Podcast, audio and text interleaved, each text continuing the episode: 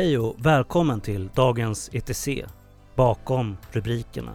Jag heter Emanuel Hendal och det här, det är premiäravsnittet. Vi kör på en gång. Med mig har jag Kristoffer Östlund och Andreas Gustafsson, reporter respektive chefredaktör på Dagens ETC. Vi ska snacka om deras senaste stora artikelserie. Ett gräv i två mastiga delar. Del 1 kom igår, finalen. Den släpps idag. Det handlar om pedofiljägare och det är vanliga medborgare som jagar män som har sex med barn. Kristoffer Rösslund, vad handlar det här om? Vi har valt att kolla på något som kallas Pedo Hunters, pedofiljägare som vi överfört det till. Och det är kortfattat män oftast som låtsas vara minderåriga online och chattar då med andra män, pedofiler och försöker locka dem till eh, fysiska möten under förespelning att de ska få ha sex med ett barn. Och väl då när de här misstänkta pedofilerna dyker upp så filmas de för att hängas ut på sociala medier med namn och bild och ibland misshandlas.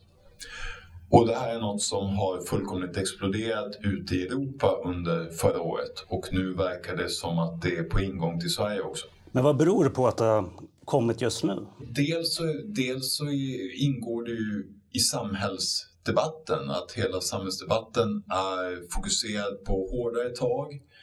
Kriminalitet är en viktig politisk fråga.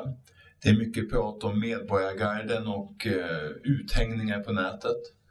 Och det i kombination med corona-lockdown, att folk sitter hemma på internet, har lite att göra, kan försörja lite syfte i sina liv, börjar grotta ner sig, fastna i konspirationsteorier kring just pedofiler. Sen kan du ju spela in också som, eh, som, som berättades igår i den första publiceringen att det just nu finns två färgstarka, namnkundiga, extremt kända personer i Sverige. Framförallt då Patrik Sjöberg men också då Gladiator Hero eh, som eh, driver fram en liksom växande folkrörelser där många av väldigt naturliga, sunda skäl känner en avsky mot pedofili, självklart.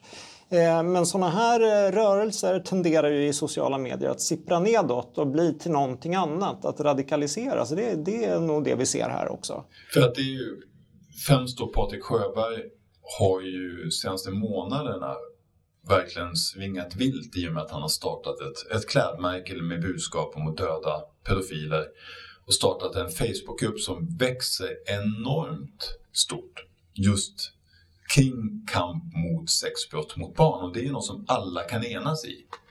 Men i, dem, i den Facebookgruppen och hur folk pratar så är det ett extremt hat. Det är radikalisering, det är dödshot, det är prat om avrätta pedofiler, prat om att kastrera pedofiler med kniv. Och eh, det är såklart, det är lätt att känna sympati med det. Det är, det är ju ett obeskrivligt nattsvart brott att, ha, att våldta ett barn.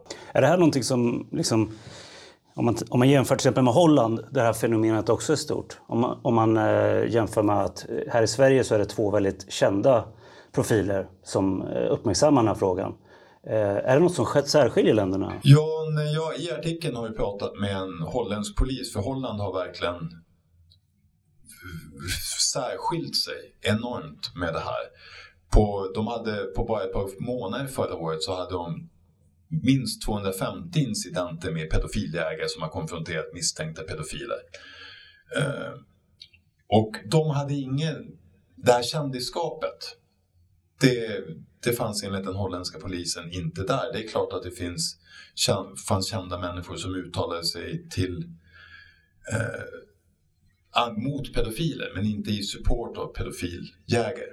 Samtidigt märker man ju åtminstone på Hero att han är väldigt liksom, ambivalent eh, till, sitt, till sin egen roll i det här. Han vill ju inte att, att någon ska ta saken i egna händer och, och kanske misshandla eller så. Det, det ska vi vara klara och tydliga med att varken Patrik Sjöberg eller Hero uppmanar ju till våld. Och eh, de tycker alltså i min intervju med Hero så tar han ju avstånd från våld liksom och säger att han tycker att det är superbra att hänga ut folk på internet. Det tycker han är klockrent att åka hem till då en pedofil, knacka på dörren, videofilma honom och lägga ut det på Facebook, på Instagram med namn och adress. Det är fantastiskt tycker jag. Men så fort man eh, går för långt och klappar till någon, då det är han emot. Men det intressanta är ju att under arbetet med den här artikeln så approachas ju Hero av en stockholmare som säger att han vill börja jaga pedofiler på exakt det här sättet och vill ha hjälp från kändisen. Och det, tyvärr så ville den mannen inte prata med dagens ETC. Men, men liksom det, det här är något som händer nu. Det, det är därför jag tycker det är så pass rätt att publicera det här materialet just nu, för det händer nu. Och det här är någonting som uppenbart håller på att växa fram. Eh, vi har ju sett det med tidigare publiceringar kring andra säga, nätbaserade rörelser, till exempel incel-rörelsen, som för våra prenumeranter kan vara, verka ganska perif perifer i början. Vad handlar det här om? Det kan inte vara så stort, men det är stort. Och det engagerar väldigt många och framförallt drar in en krets människor som är väldigt extrema. Eh, och man kan ha goda intentioner med att starta en Facebookgrupp. Det kan Roddy definitivt ha, men det kan få följdverkningar. Och det kan radikalisera och pressa människor och eh, entusiasmera människor och göra saker vi inte vill, vi vill att människor ska göra helt enkelt. Och det tycker jag blir ganska uppenbart med dagens publicering som eh, visar vilka krafter som tar vid och eh, då startar upp ett eh, Pedo Hunters-konto i Sverige. För det är ju ändå personer med väldigt stort våldskapital. Ja, alltså det här är ju ett... Man kan säga att Pedo Hunters är, det är ju ett ledarlöst internationellt nätverk.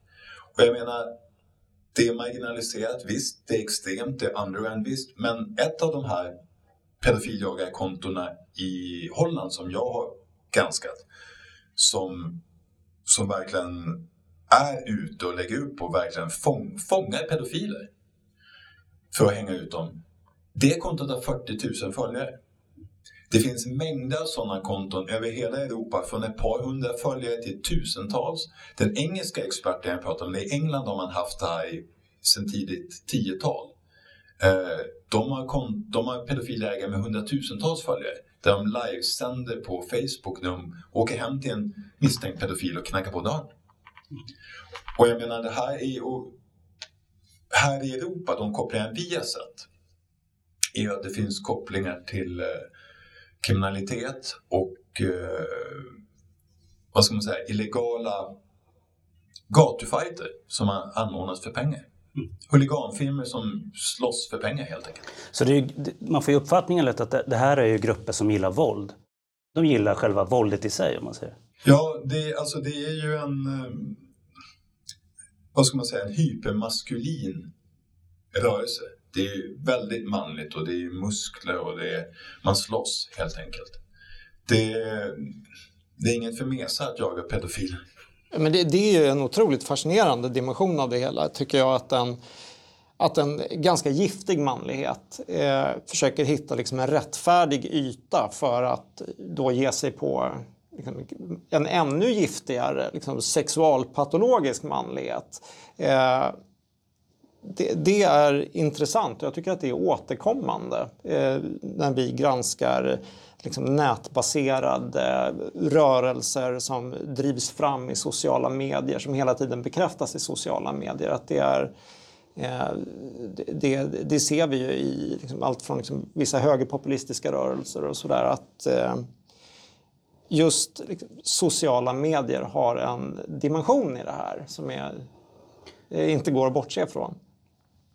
Men vad säger det här om, om vårt eh, rättsväsende? Jag tänker, om, finns det ett problem i att folk tycker att straffen är för låga? Och att tar... Ja, alltså det, det är ju det hela samhällsdebatten har, har handlat om i Sverige de senaste åren, är ju hårdare straff. Och det här är ju tongångar vi har hört länge från både obskyra extrema kulturyttringar men även etablerade partier och riksdagsmän att om vi inte gör någonting nu så kommer folk att ta lagen i egna händer. Därför måste vi skärpa straffen, mer befogenheter till polisen, liksom skala ner på folks rättigheter.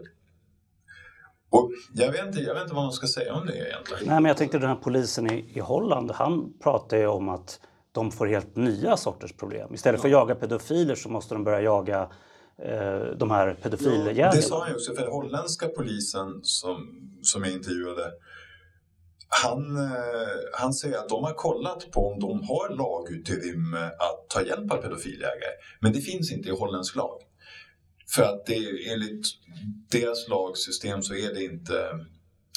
Det blir inte hållbara bevis att lura någon på det sättet. Så det håller inte i domstol. Och han säger ju att istället för att utreda brott mot barn så måste vi utreda brott som pedofiljägare begår.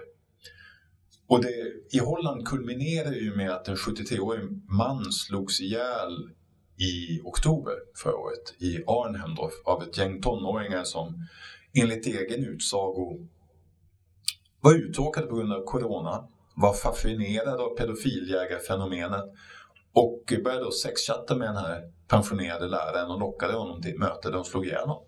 Mm. Samtidigt skulle inte förvåna mig om vi närmsta tiden kommer att få se en svensk debatt om hur vi hanterar dömda pedofiler. För är det någonting den här mer legitima delen av rörelsen sysslar med just nu, alltså Patrik Sjöbergs och Gladiator Heroes kampanjer, så är det att bearbeta politiker. Eh, de uppger ju själva att de har haft svårt att få tag på liksom, regeringsföreträdare men har haft eh, bättre lycka med oppositionen.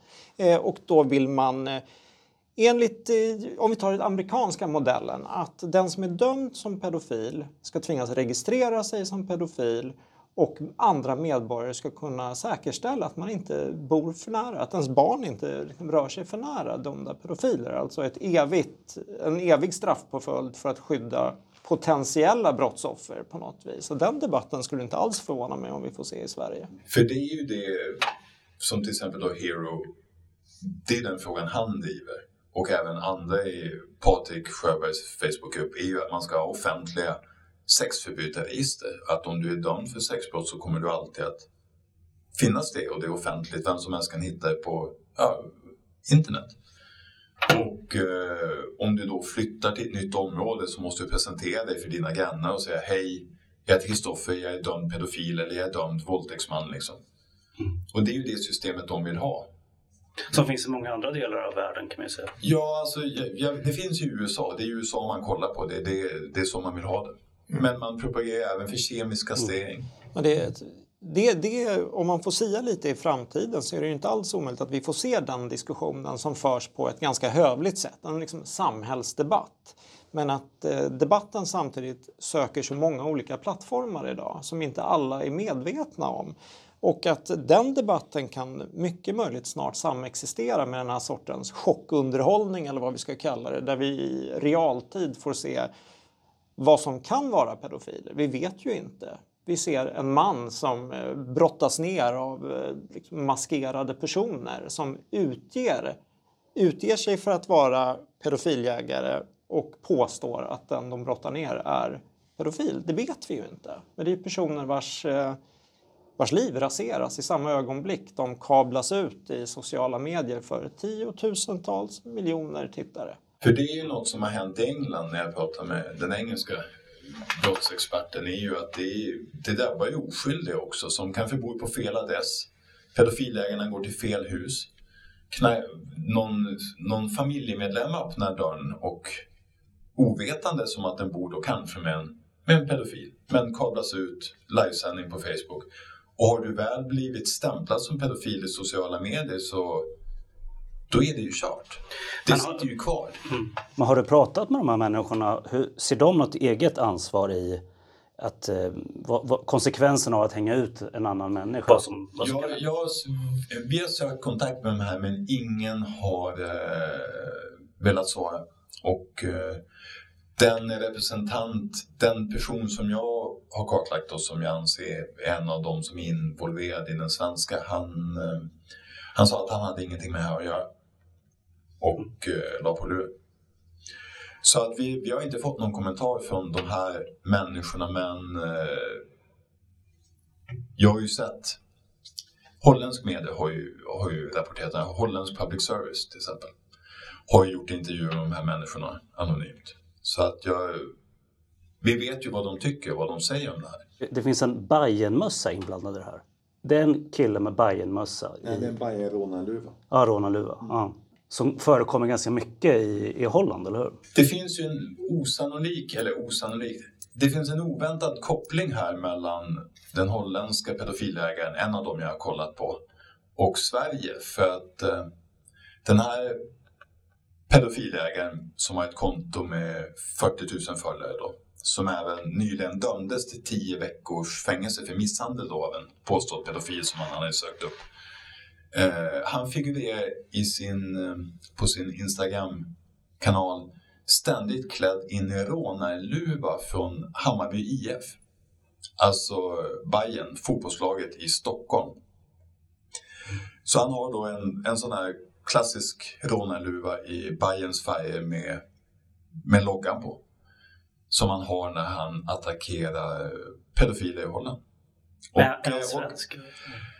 Han är inte svensk, men det finns en koppling till Sverige som eh, vi nystar upp i artikeln som man får reda på om man läser den. Och eh, den kopplingen hör ju också till att vi nu har fått se ett nystartat svenskt pedofiljägarkonto i sociala medier. Som än så länge inte har gjort något, men enligt egen utsago då ligger i startgroparna för att citat skydda barnen och utrota pedofiler som är den sanna pandemin, säger Tack Kristoffer Östlund och tack Andreas Gustafsson. Det här det var allt för den här gången.